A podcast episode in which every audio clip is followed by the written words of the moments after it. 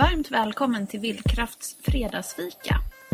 Fredagsfikan är ett livesamtal som sänds på fredagar klockan 14.00 på Vildkrafts Facebook-sida. Varje vecka bjuder jag, Anna, in en ny gäst till Fredagsfikan. Och du lyssnar nu på en poddversion av Fredagsfikan. Ljudkvaliteten är kanske inte den bästa då ljudfilen kommer från just en live-video. Men jag vill ändå ge dig möjligheten att lyssna på och inspireras av fredagsfikorna i just poddformat. Min förhoppning är att varje fredagsfika ska bli ett unikt och öppenhjärtigt samtal mellan mig och mina gäster. Om du har något förslag på vem jag ska bjuda in i framtiden får du gärna höra av dig. Jag finns i övrigt på social media som Vildkraft, både på Instagram Facebook och en blogg på hemsidan vildkraft.se. I den här fredagsfikan har jag bjudit in Nina Berg som precis som jag brinner för att prata om det där som inte alltid är så självklart att vi pratar om. Nina vill bryta tystnaden kring alkoholism, beroende och medberoende. Och med en dag i taget, ett steg i taget, så går det att förändra. Planen var att prata om de där fasaderna som vi så lätt bygger upp och hur kan vi göra för att släppa ner dem och möta varandra på en annan nivå utan de här fasaderna.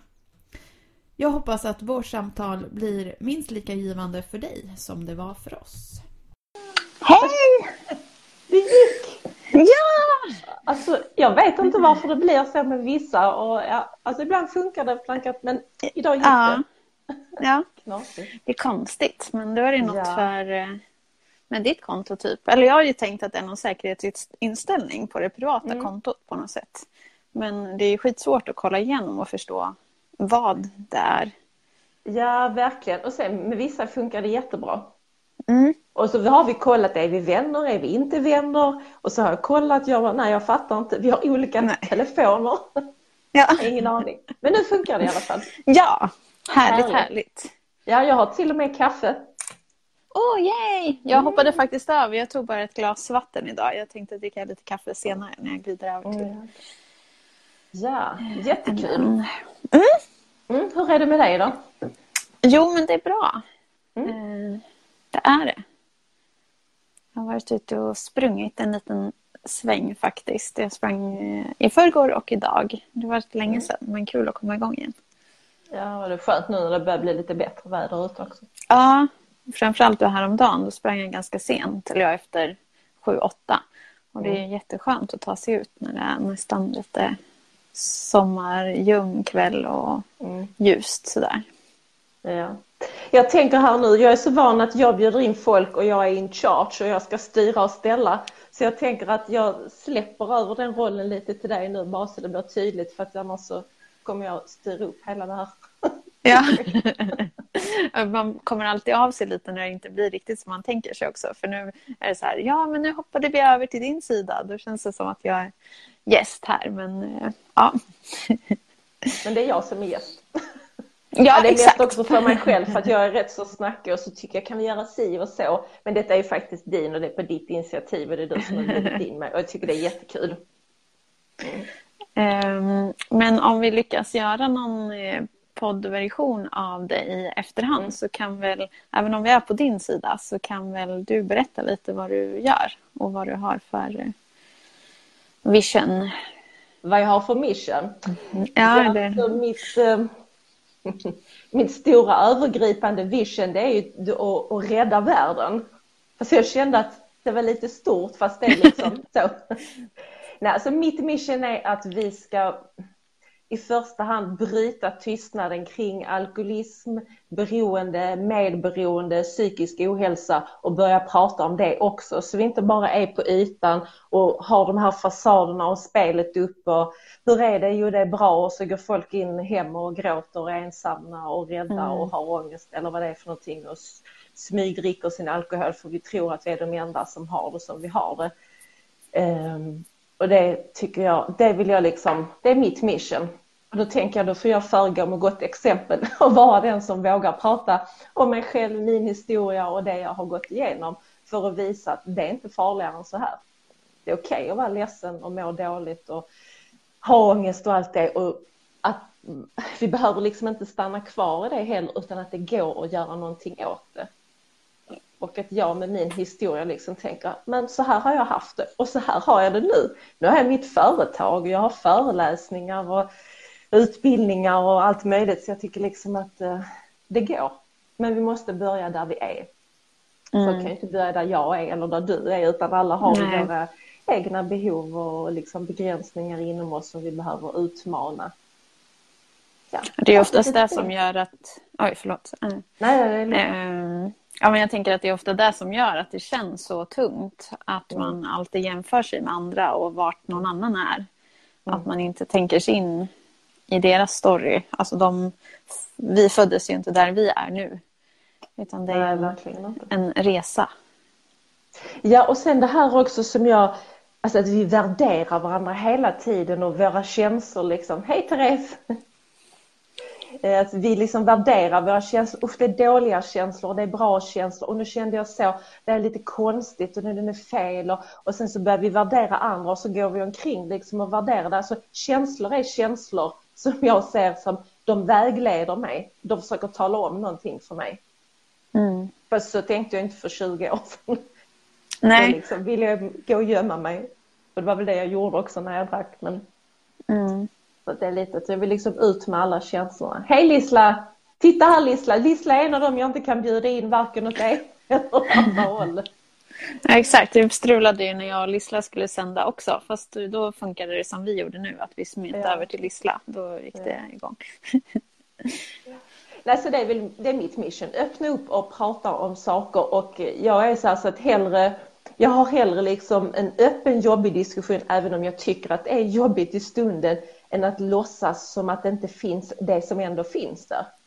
Mm. Eftersom jag har superintuition så känner jag ändå av det. Då tycker jag det är bättre att vi plockar upp det och, och pratar om det.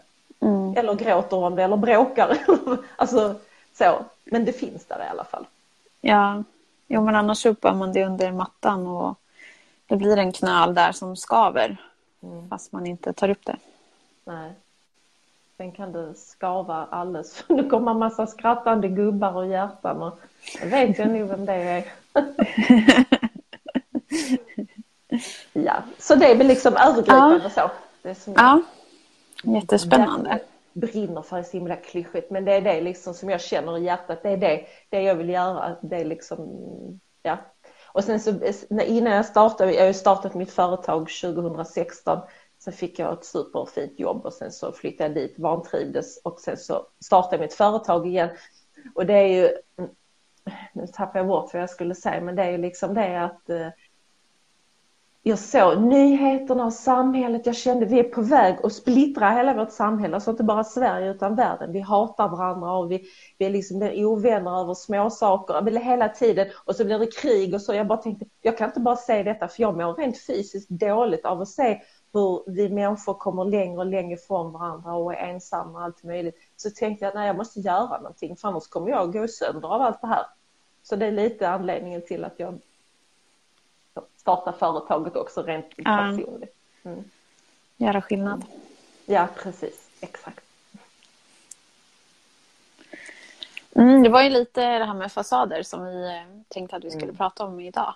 Att vi behöver se bortanför våra fasader för att få mm. um, bli distraherad här av alla hjärtan. Ja, jag vet. Jag ser på dig att du Jag ser de här små filurerna här. Och Therese. Jag syntolkar lite till poddversionen sen men vi har två tittare här, Therese och Lissla som skickar massa hjärtan och arga gubbar och eh, Therese fick skulden första gången. Om Alltså tänk jag ska berätta något allvarligt? Och så ser jag i synvinkeln en massa Ja, alltså jag tycker och har väl, alltså eftersom jag är en person som ändå har vuxit upp och fått träna mig på min intuition väldigt mycket för att jag växte upp i en miljö där vi inte pratar om det som var på riktigt. Och det har ju liksom påverkat mig jättemycket. Alltså jag är helt allergisk mot om, Alltså jag förstår att människor ute man träffar på så här lite ytligt, de inte slänger sig och börjar storgråta över allting. Men liksom hela tiden det här, jo men det är bra, hela det här ytan. Och jag känner, nej men det gör du ju inte. Eh, istället för att vi vågar eh, liksom öppna upp. Och att framförallt när människor mår väldigt dåligt av det. Alltså jag vet inte hur många jag känner som har ångest, är sjukskrivna och eh, mår dåligt och som dricker. Om man då tänker som jag som är nykter alkoholist, alltså på en alkoholist så är det ju, där är anhöriga runt omkring som också mår mm. dåligt. Så att eh, nu liksom alkoholism, det som jag har mest kunskap om och ångest eh, så. Och då tänker jag att det, det smittar ju av sig, för tillstånd smittar hur vi är och hur vi har det, det smittar ju av oss på varandra.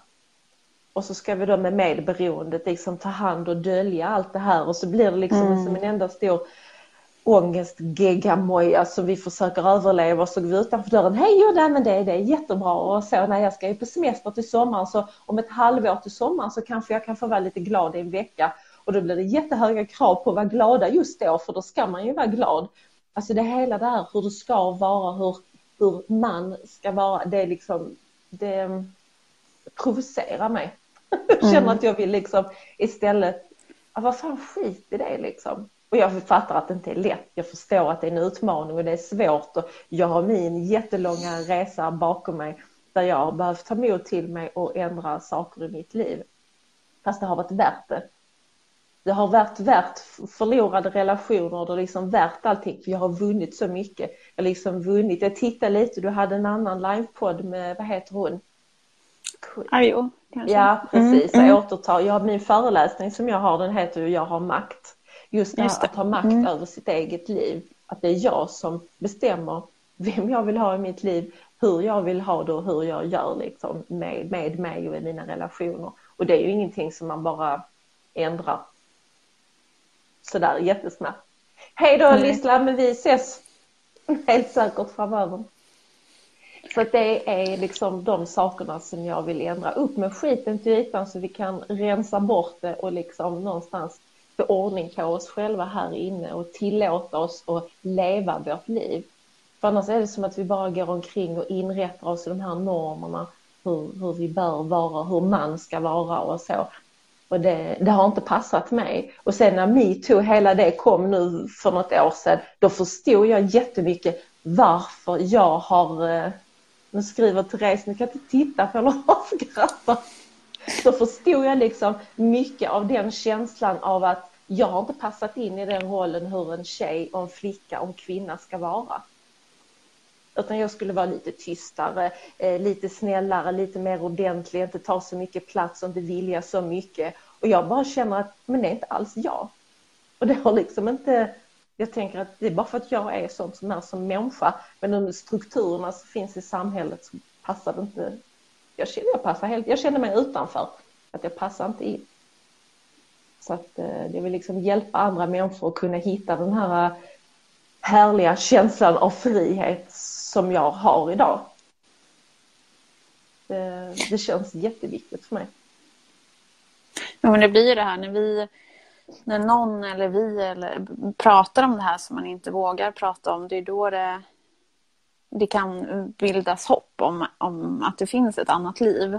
Och jag får ju, jag kan känna själv och jag får ju också andra som säger att just det här med medberoende, att det är så okänt koncept. Och det är så lätt att blanda ihop med att ja, men medmissbruk eller så och inte förstå det här att, ja, men att jag hjälper alla andra eller mm. att jag är på ett sätt beroende av att vara behövd. Mm, eh, och så är man fast i det här att skydda alla andra eller hjälpa alla andra. Och det behöver ju inte handla om missbruk heller. Det kanske Nej, startade någonstans inte. med missbruk. Liksom. Men, men sen hittar man det i alla andra roller också. Att vara den goda medarbetaren eller vännen eller mm. alla de där ja, bitarna. Men verkligen. Hej Robert. Ja, och just det här och så tycker jag också ofta dels det du säger men också här med att vara snäll. Det är, jag tycker det är jättebra att vara snäll. Fast om vi bara är snälla mot andra och tar hand om alla andra så är vi inte snälla mot oss själva.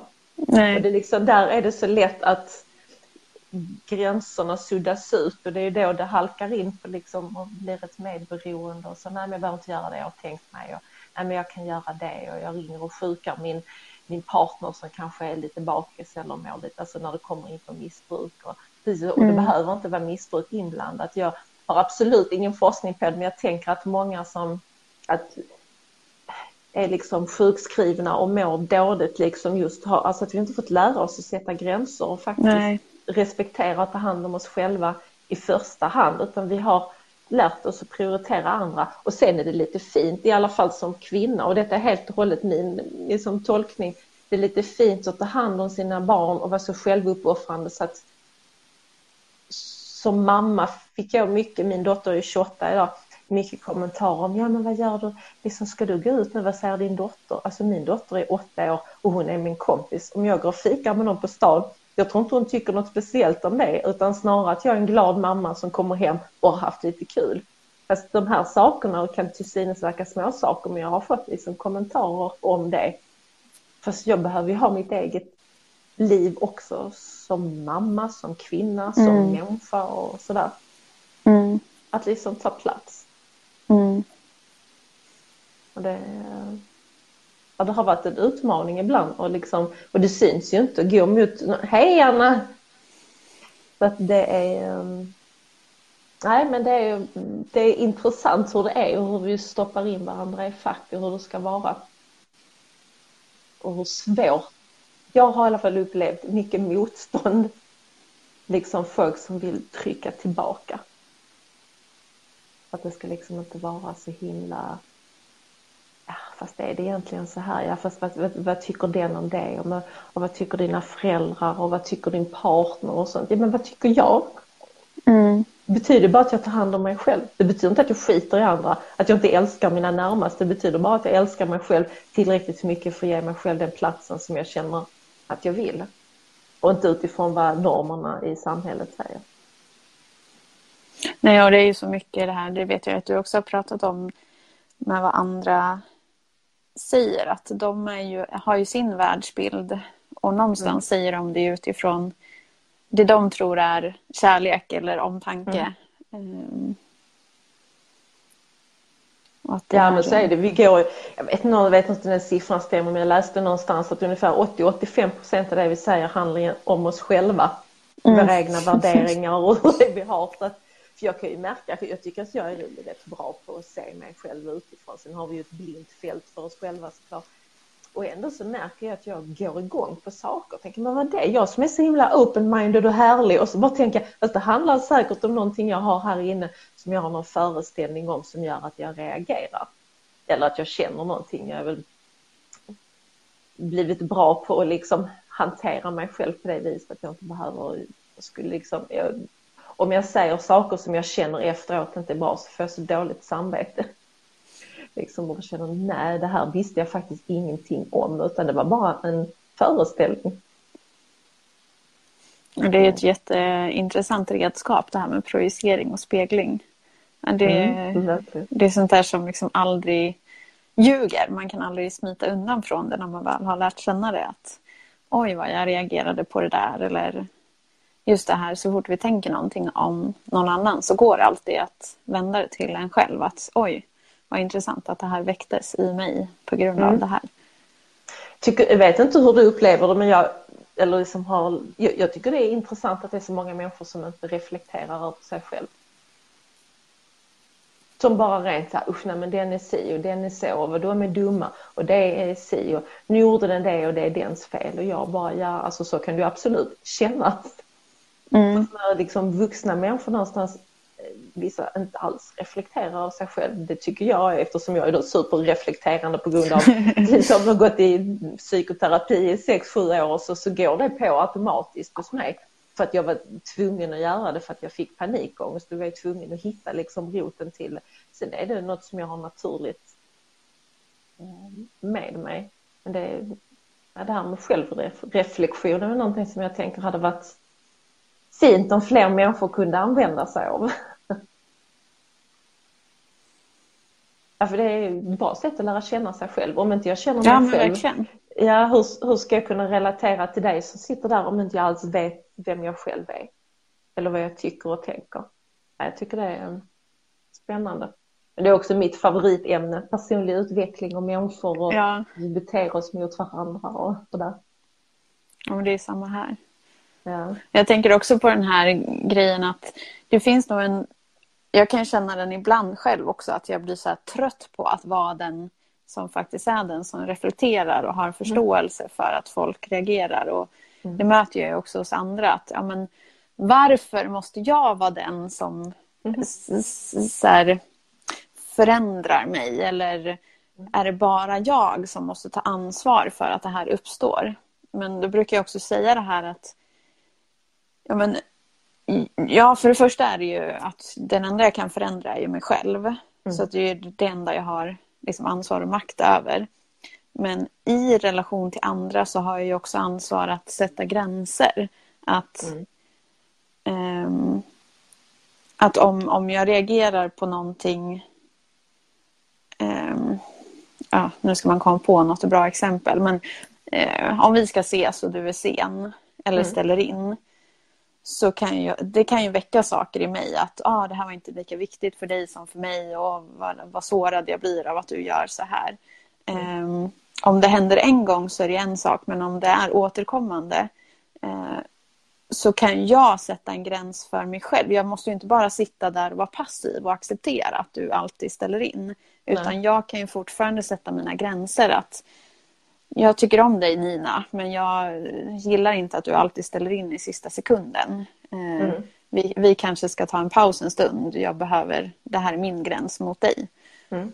Så att, att vara självreflekterande och, och vara den som liksom har förmåga att förändras måste ju inte vara den här passiva som tar all skit. Utan man har Nej. också ansvar, alltså så man inte blandar ihop det. ja, precis. Nej, men jag håller helt med dig. Ska du läsa kommentarerna? Ja, Ska du ta dem? ehm, jag får inte riktigt fram dem. Jag ser att de ploppar in, men ehm, ser du dem så kan du Ja, läsa. jag ser dem. Jag kan läsa. Ja. Robert säger, håller helt med er båda. Utan självreflektion så är det mindre lätt att kunna utvecklas som människa. Ja. Eh, Therese skriver, alla fattar inte att de kan utvecklas. Nej. Det, eh, nej, det är ju inte så att alla har... Alltså jag, vissa tänker, ska man hålla på och jobbar du med dig själv hela tiden? Har jag fått kommentarer. Håller du på och tänker på det varje dag? Jag bara, ja. så, men det är kanske som Therese, vissa bryr sig inte om det. Eh, sen skriver Robert, ja, svarar Therese, eh, helt sant, det är lätt att vara inkörd i en negativ loop som gör det mindre lätt att komma vidare i sig själv. Ja. Och det kan ju vara svårt, jag ska inte bara sitta här och skratta för jag först, alltså, vi, är ju, vi, har, vi är ju i olika kontext också där vi liksom har olika möjligheter att faktiskt eh, liksom få vetskapen, kunskap eller bli medvetandegjorda om att vi kan förändra våra beteenden och våra tankar och därmed våra känslor. Det är inte alla som har det. Så att jag skrattar inte av elakhet utan mer att för mig som det nu är en, en del av mitt liv som jag tänker på väldigt liksom aktivt och är i. Men det har, så har det ju inte varit alltid. Och då kan man verkligen hamna i det här negativa. Mm. Jag hörde, lyssna på en podd häromdagen, Framgångspodden, där de intervjuade en man. Jag kommer typiskt inte ihåg vad han heter, men han sa om vi inte avvecklas, Eh, om vi inte... Fel. Om inte, eh, om vi inte utvecklas så avvecklas vi. För då stagnerar vi och stannar där vi är. Och det var en, för jag pratade om det själv i en live för ett tag sedan så var det några vänner till mig som sa men det var intressant det du sa för att världen förändras ju hela tiden. Oavsett vi vill eller inte så ändras samhället och ja, människor slutar och börjar jobba, relationer börjar och slutar. Så att antingen kan vi välja att liksom ta makt över våra förändringar och de steg vi tar. Eller så kan vi välja att bara som ett rö för vinden och hänga med och tycka liksom, ja men fan jobbigt, nu blev det så här, det liksom bara hände utan att vi liksom förhåller oss till det på ett mer aktivt sätt. Och då känner jag, jag vill ju ta aktiv makt över mitt liv liksom. Mm.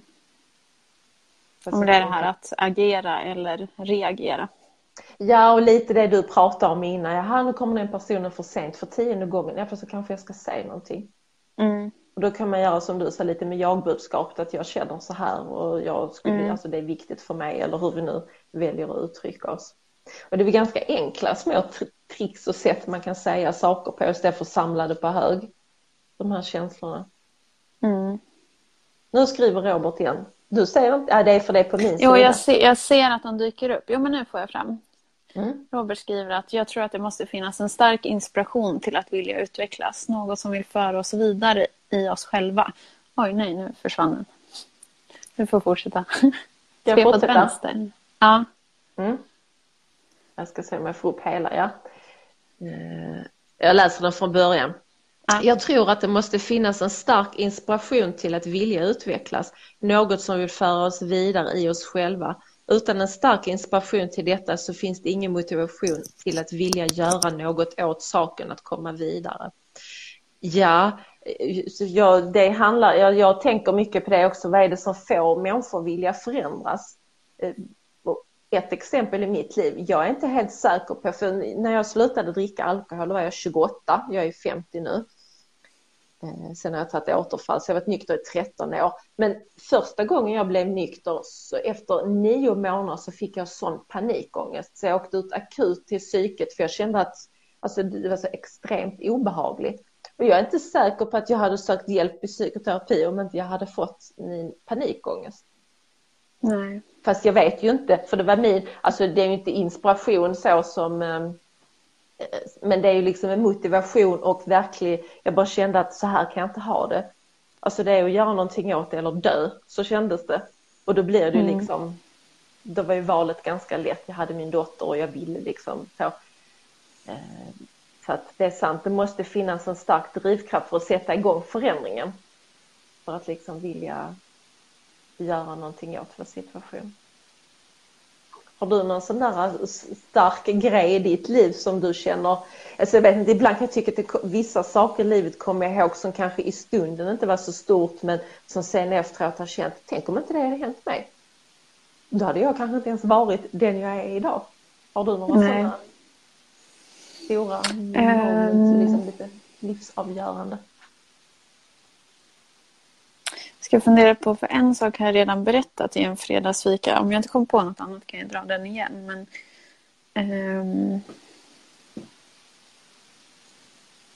ja, men den här varianten tror jag inte jag har pratat om på det här sättet. Um... Ja, när jag sa upp mig från mitt säljchefsjobb. Mm. Eh, det här var ju 2014. Um, då för mig blev det väldigt tydligt då att, man, att jag inte kan... Alltså, ja, men jag har bytt pojkvänner, jag har bytt eh, bostad och eh, städer att bo i. Och, och just den här känslan att ja, men nu säger jag upp mig härifrån. Men jag kan ju inte fortsätta fly från mig själv. Mm. Eh, och det var första gången som jag liksom på allvar började fundera på att gå i terapi. Mm. Um, men jag tror inte riktigt... Som att du gick i cirkel, att du samma beteende fast lite olika saker bara, yttre, and, olika yttre omständigheter fast det var samma känslor liksom som... Ja men lite som att man lurar sig själv, att det känns bättre en stund. Men sen mm. kommer man ju tillbaka till samma känsla. Mm. Med liksom partners och sådär så, så då handlar det mycket om fasader och liksom det här medberoendet. Att, att vara en bra flickvän eller liksom trevlig. Och, men jag hade sam, och det är någonting jag inte hade lärt mig innan. att Vem är jag och hur visar jag mer av mig själv? För det kom ju ofta till ett state där jag inte trivdes längre. Och så kändes det som att ja, men, jag kan inte visa vem jag egentligen är. För att de känner ju inte mig. Mm. Och, då, och jag kanske inte riktigt kunde sätta ord på det där och då. Men det mm. var ändå en känsla att om jag trivs inte med mig själv längre. Så nu det här funkar, eller liksom att det blir en symptom att ja, men den här relationen trivs jag inte med. Men det är ju mm den jag har blivit i relationen som jag inte trivs med. För att du Och då var var det liksom mycket- inte dig själv helt och hållet. Nej, Mm. och jag Jag visste ju känner igen inte. Ja, och det är väl en resa hela tiden, vem, man, vem jag är och vem är jag. Ehm, men att det var... Oj, nu tappade jag tråden. Mm. Och det blir så man Eh. krånglar in sig. Tänker Ja. man är redan på nästa steg och så tar man bort Mm. mamma. Ehm. Ja, en, Jag en, känner jag tar upp... Ja, ja. Nej, men jag, känner absolut igen det här och varför jag frågar om det loop för det påminner lite om hur jag har känt det och många jag pratar med känner liksom så att nu gör jag detta och så är man där och så blir inte det bra men jag provar detta så är det bara yttre, olika yttre omständigheter och saker fast känslorna går som en loop liksom Mm. lite längre och kortare och, och sådär för Mm. att jag vet inte, jag kände att jag, jag vågar liksom inte för mig våga vara mig själv fullt ut som du säger. För, det, för mig var det rädsla, men då kommer de att lämna mig. Tänk om någon Mm. ser vem jag är, så jätteobehagligt. Tvärtom, jag visste ju inte riktigt heller vem jag själv var, vilket gjorde det ännu Nej. läskigare. Eh, så då är det lättare att gå och gömma sig. Och det gjorde jag på lite olika vis. Jag drack och jag bytte pojkvänner och ja, gud vet allt. Jobb och Mm. allt möjligt. Mm. Man blir expert, expert på att hitta olika flyktmetoder från Mm. att faktiskt discover vem man egentligen är. Ja, och jättebra på hjärnan på att komma, komma på super, eller i alla fall jag, superlösningar på hur jag skulle få, alltså framförallt pojkvänner, få dem att göra slut med mig. Mhm. För att jag kunde inte heller riktigt förmå mig till att göra slut. Alltså vilket jag nu i efterhand tänkte, men gud, lilla gumman då, för nu är jag ganska snäll mot mig själv. Men du, jag kände mig inte ens tillräckligt värdig att göra slut. Så det var bättre att jag hittade på massa dumheter och iscensatte massa bråk och, och grejer och sådär. Mm. Eh, Och Mm. det är ju, vilket gjorde att jag kände mig ännu värre sen efteråt. Just det. För att det blev som någon slags själv, psykisk självmisshandel. Jätte... Alltså nu när jag pratar om det så jag, gud vad hemskt. Och vad glad och tacksam jag är att jag någonstans har, att jag har tagit itu med det och gått mina år i terapi. Att jag vågar öppna upp och prata om det och dela med mig till andra. För folk bara känner igen mig. Ja fast jag gjorde Mm. så här istället, jag gjorde det. Ja, vad skönt, då behöver inte jag känna den här ensamheten som jag kände så mycket när jag växte upp och i tonåren och liksom de åren upp till 30 och så här. För jag kände mig så ensam. För att jag pratade inte med någon om allt det här som fanns här inne. Utan jag gick liksom till, eh, jag skriver på en bok nu också. Då skrev jag det där, jag gick till folkhögskolan, jag hade min dotter, jag var en pigg och glad och engagerad mamma och jag gjorde alla de här grejerna. Detta där. Och sen så kände jag mig så fruktansvärt ensam. Mm. Eh, Och att istället idag veta att ja, men jag har vänner, jag kan ringa och jag liksom, och vi sitter här och pratar med dig om det. Wow, jag behöver inte vara ensam, det är inte så farligt. Nej. Eh, Och det är det jag känner att jag vill, eh, det är liksom nu kärnan i mycket av det som jag vill att människor ska få känna tillhörighet och gemenskap och så för att det, det stärker oss jättemycket och känner, jaha, känner du också så? Så bara, vad fint. Då blir det liksom stöd i att våga Mm. göra liksom förändringar som, för det behövs ju, det behövs ju göras förändringar. Det räcker ju inte att tänka det. Ja, det blir ju, man är ju så um, med den här låga självkänslan och beroenden och medberoenden och då är man ju, man slår ju redan väldigt hårt på sig själv. Man har den här inre kritiken. Och så kan man, ibland kan man ju också vara medveten om att det jag gör känns ju väldigt dumt. Mm. Alltså det här att du gjorde saker som gör att dina pojkvänner gör slut. Det kunde du ju kanske titta på dig själv att oj vad knäppa saker jag gör. Mm. Men det blir också ett beteende då som man slår på sig själv för. Och jag Ja, tänker just på det här när vi delar med oss av sakerna så kan man förstå att, att, att det är lirkigt, att fler gör samma sak. Att det inte är jag som är helt knäppt. Liksom. Att man kan börja få verktyg för att jaha, det är inte jag som är dum eller det här är ett beteende Mm. som beror på saker och jag är inte ensam om det. Ja, precis. Och att ett beteende är ett beteende och det går att förändra. Mm. Jag vet just det här jag pratade för ett tag sedan i live om den här lilla rösten in i huvudet som talar om saker för oss som är oss själva eller jag tänker vi har hört mycket under vår uppväxt, liksom programmerade med hur vi pratar till oss själva och det var ju många som liksom hörde av sig och sådär och liksom, ja men det är precis, jag har ju en hel del, för jag har jobbat mycket på gymnasiet, så jag har en hel del yngre människor som liksom, yngre människor menar liksom i 20-årsåldern som, ah, det är sant liksom. Mm. Jag har också så, alltså sådär och då blir jag så rörd för jag tänker att vad fint att kunna dela med sig av att jag har en röst i mitt huvud, vi har alla liksom sådär eh, vårt liksom den här stränga rösten eller den snälla rösten beroende på vad vi är som, som finns som talar om för saker och den går att jobba med så att den är snäll.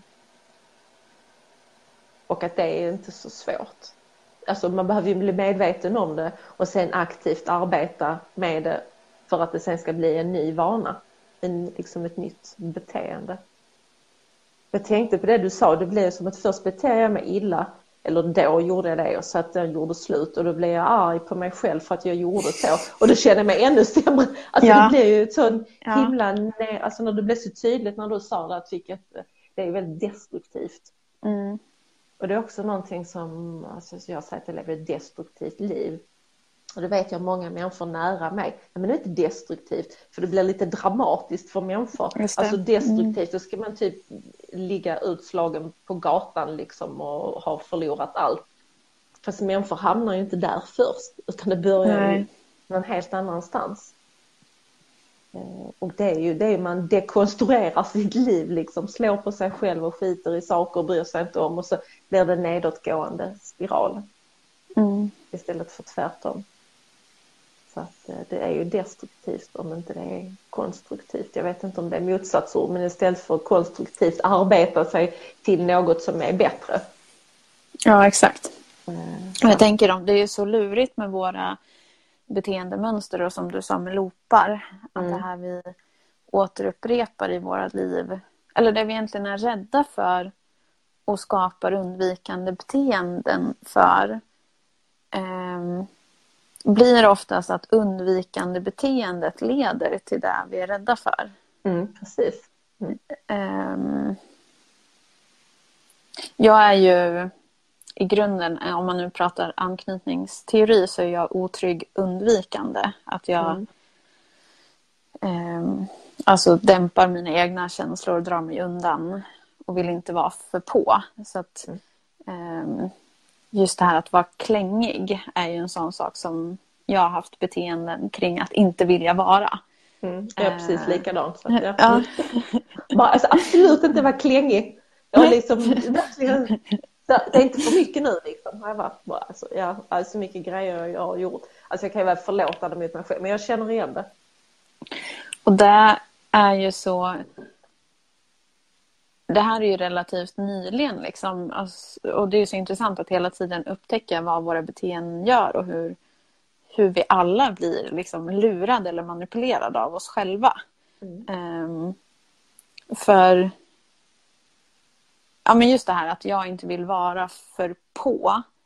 Uh, då har jag inte så här, föreslagit saker eller men samtidigt har jag ju suttit på min kammare och varit beredd. Alltså läser människor att ja, men, det här är ett beteende, de brukar fråga mig. Ja, men då kan jag ju vara beredd på att vi kanske ska ses på torsdag. Um, um, så därför bokar jag inte in någonting annat. Det är inte supermedvetet, men lite så här 50-50 medvetet mm. undermedvetet att det finns där.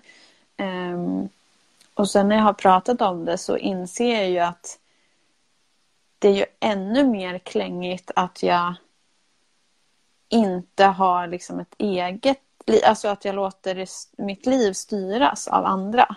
Mm. Och det är just den känslan som jag också har varit undvikande för. Att när jag märker att någon annan inte... Om jag upplever att någon annan inte har ett liv och är väldigt mycket utifrån mitt sätt att se klängig på mig. Det är då jag drar mig undan. Mm. Men ja, jag, jag, jag, är ju exakt likadan när jag mm. så här, på en undermedvetet plan inte ska vara för klängig. Ja, Men... jag förstår precis. Jag känner, alltså 100 procent känner jag igen det från mig själv. Liksom.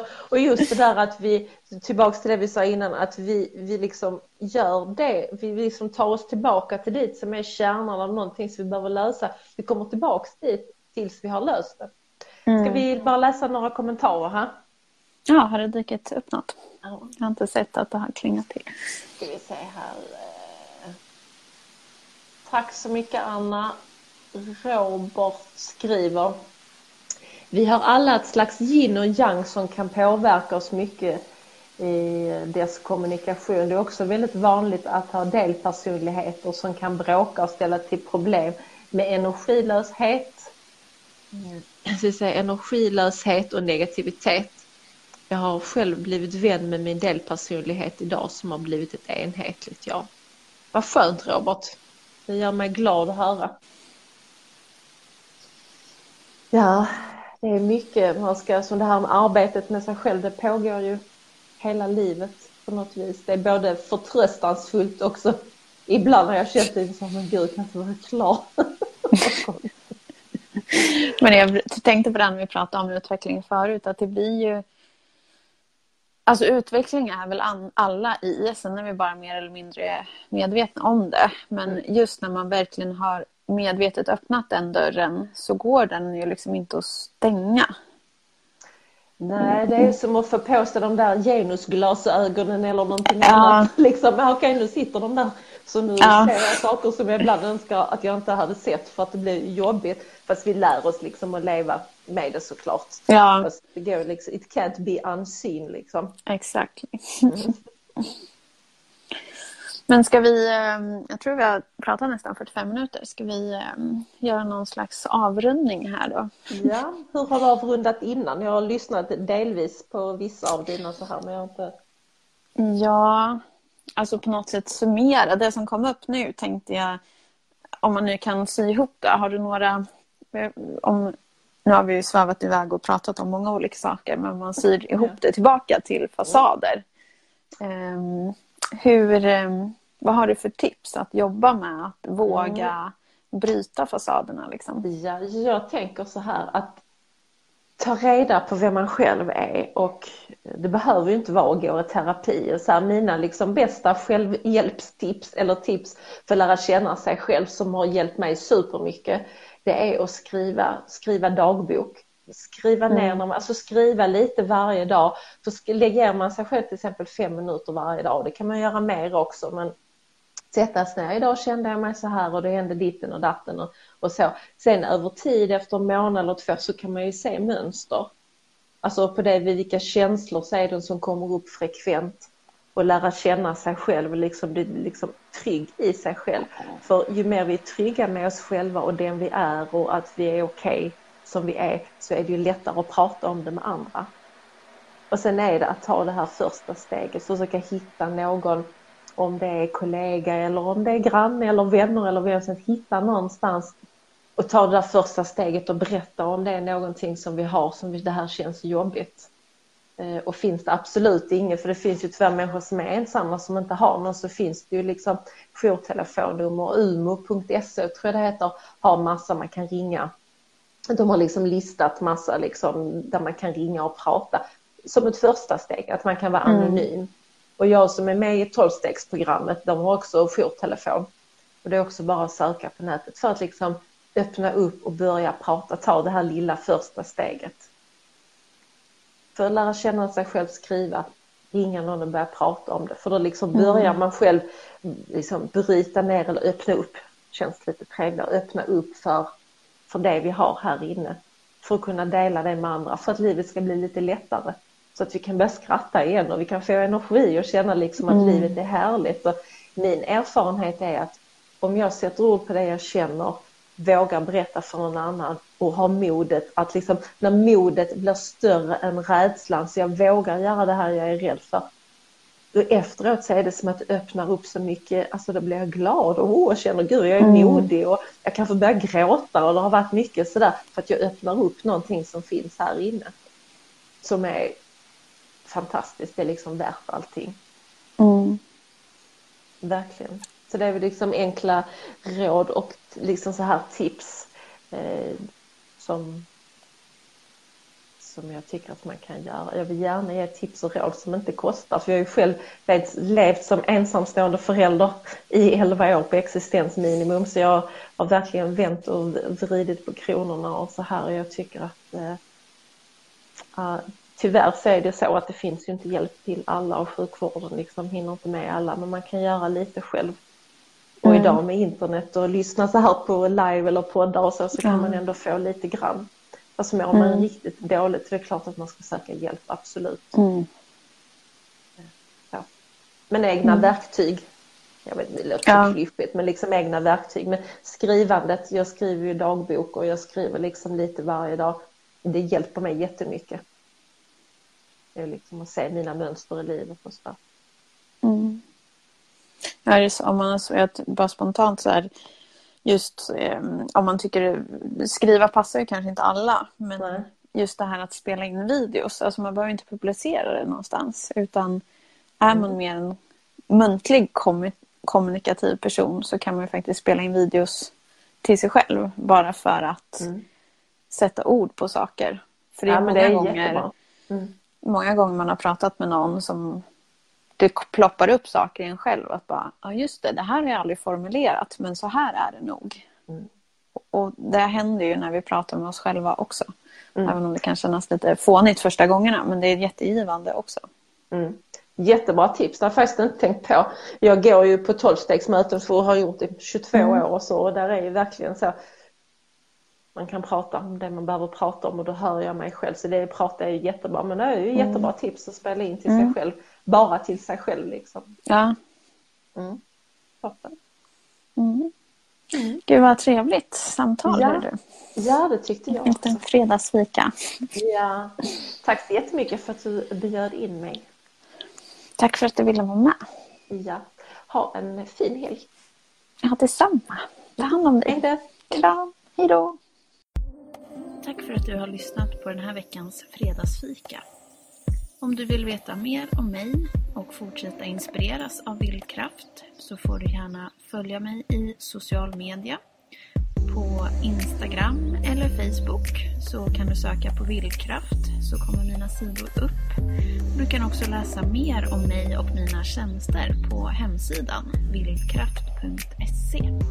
Ha det gott så länge!